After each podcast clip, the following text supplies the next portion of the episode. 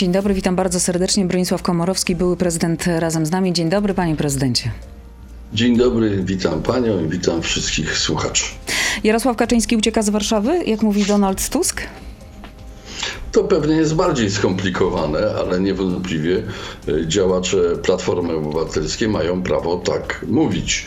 No bo Jarosław Kaczyński zapowiadał, że będzie kandydował z Warszawy i zawsze kandydował z Warszawy.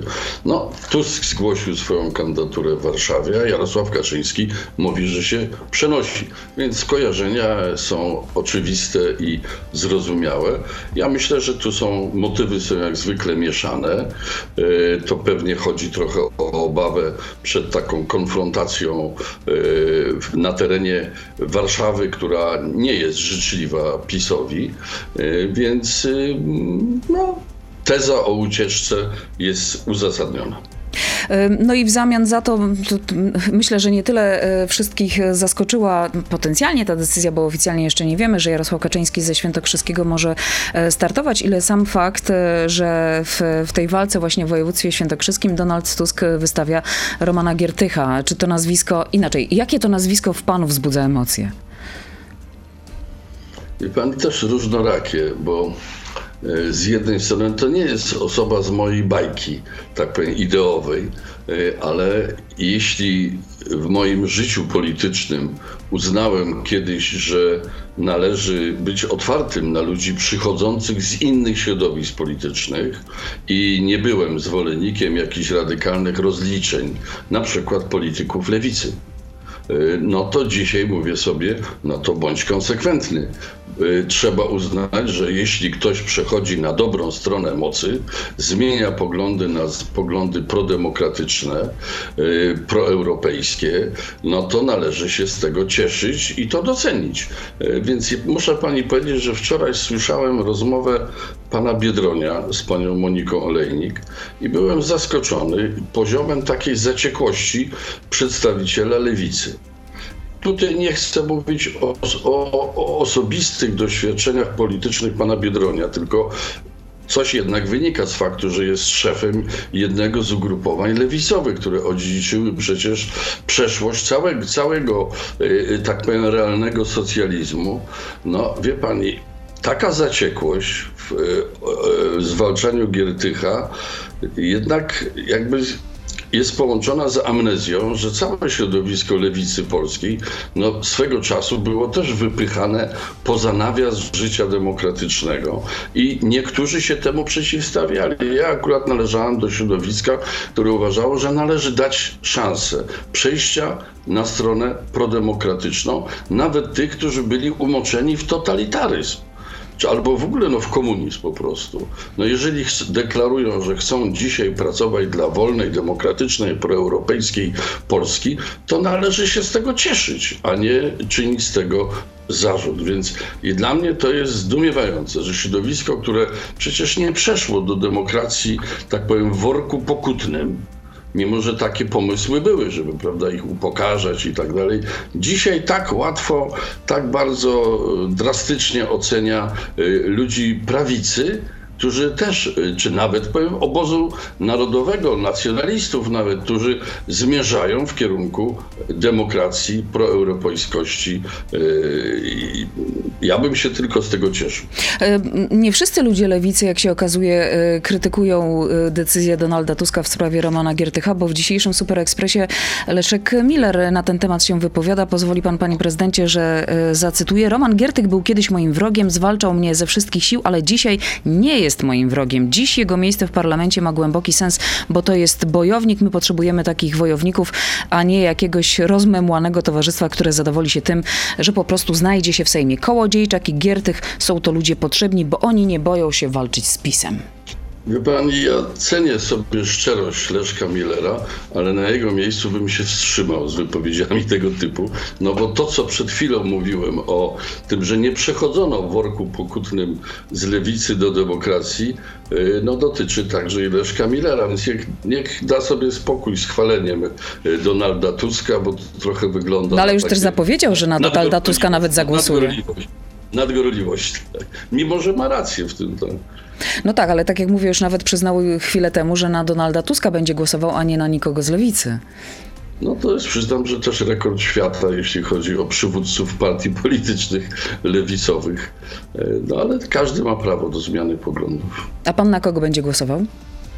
Ja będę głosował pewnie, ja mam z tym kłopot, nie ukrywam, bo z jednej strony bardzo bym chciał zagłosować na Michała Szczerbę, to jest były mój asystent, którego niezwykle wysoko cenię jako posła opozycji, człowieka pracowitego, szlachetnego i z pomysłami, Yy, yy, a wiem, że gdzieś jest na dalekim miejscu listy warszawskiej, a z drugiej strony Chciałbym zagłosować na listę trzeciej drogi, dlatego że dzisiaj wszyscy wiemy, że o tym, co się wydarzy po wyborach, nie będzie decydowało to, kto będzie na pierwszym miejscu, jakby podium y, zwycięzców, tylko kto będzie na trzecim bo wtedy będzie wiadomo, czy da się stworzyć większościową koalicję antypisowską, czy też nie.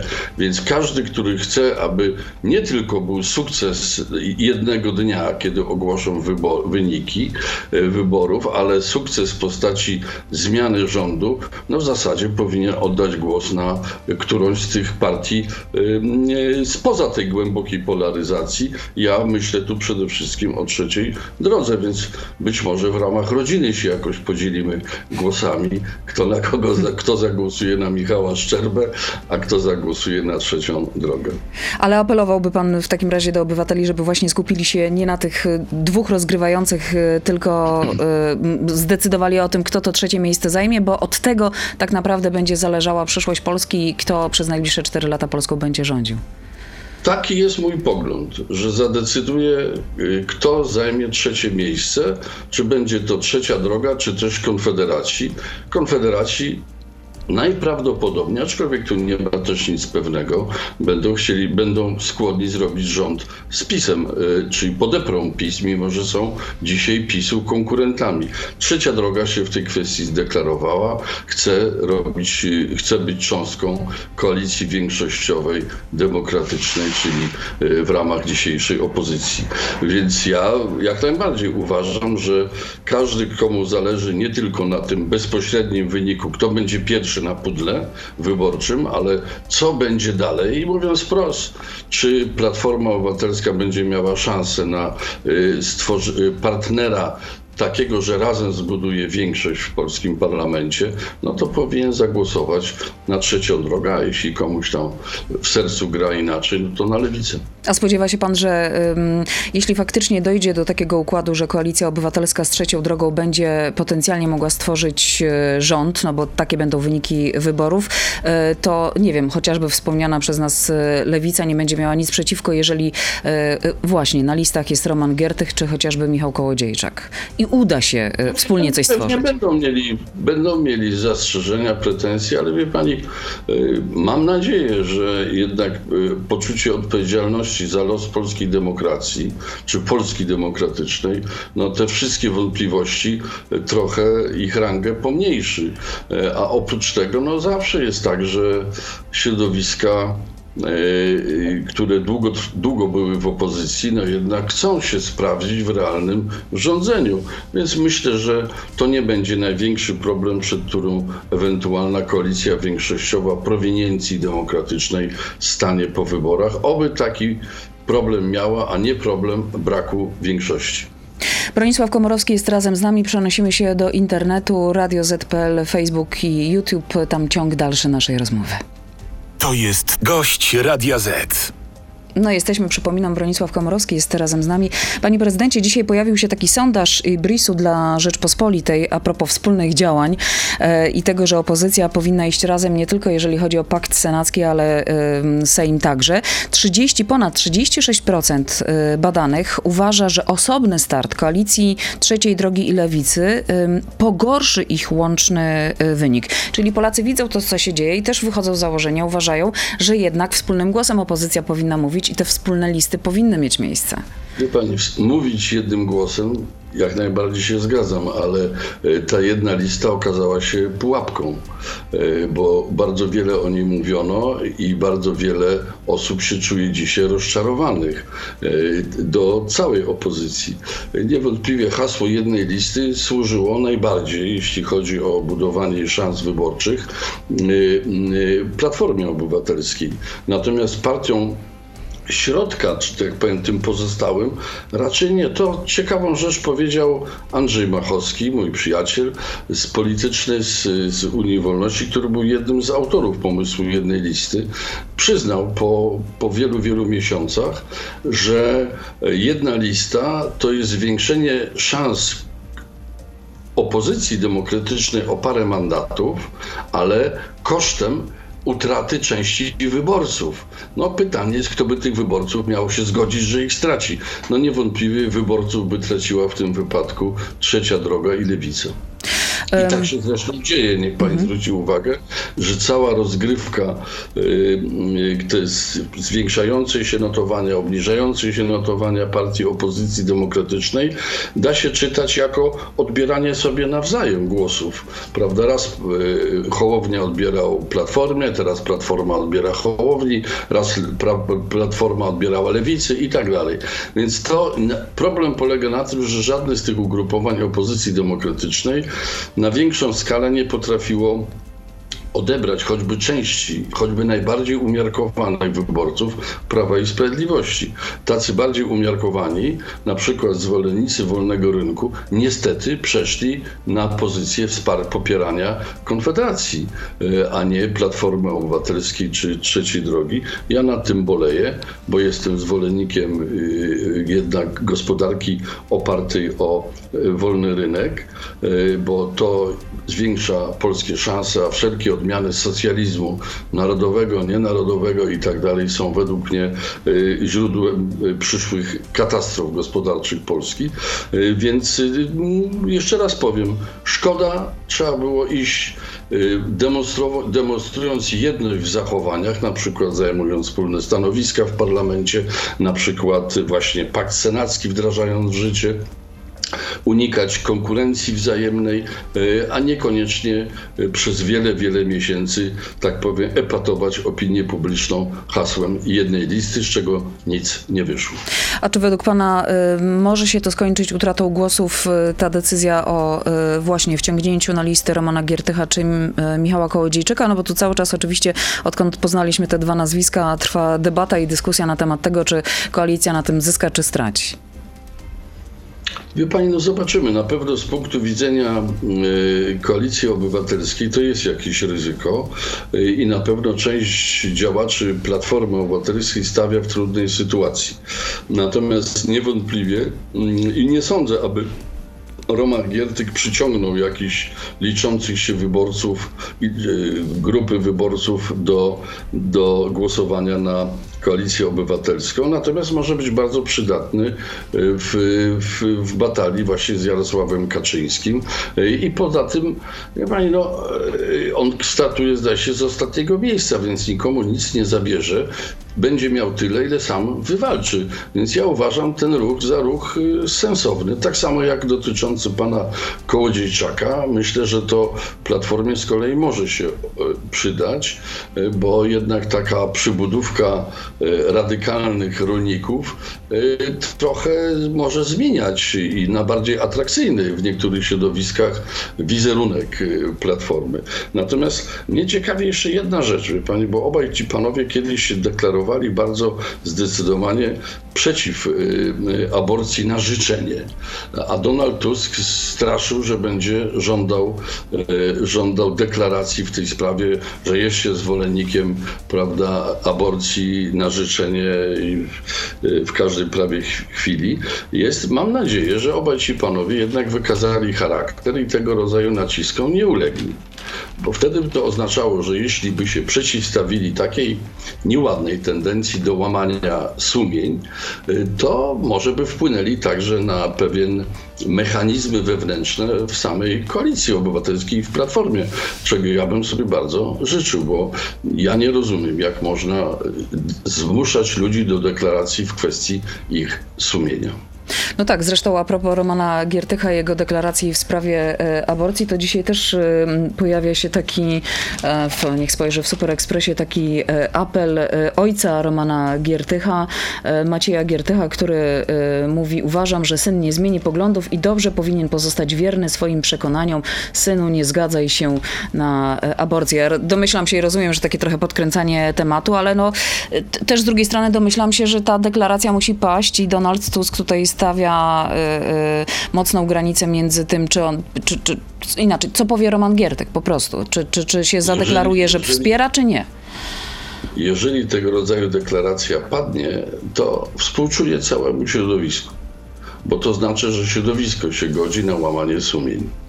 E, A ja tego nie akceptuję i to mi się bardzo nie podoba. I widzę sprawę Giertycha i pana Kołodziejczaka jako być może szansę wycofania się z takiego stanowiska przez Donalda Tuska, czego bym bardzo Platformie życzył.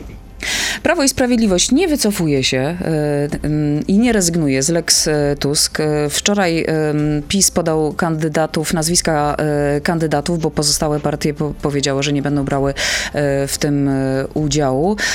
Jest pan zdziwiony, zaskoczony? Spodziewał się pan tego, że jednak Prawo i Sprawiedliwość po wcześniejszych deklaracjach, że może jednak w tej kadencji tej komisji nie będzie zmienić zdanie i, i do tego pomysłu wraca?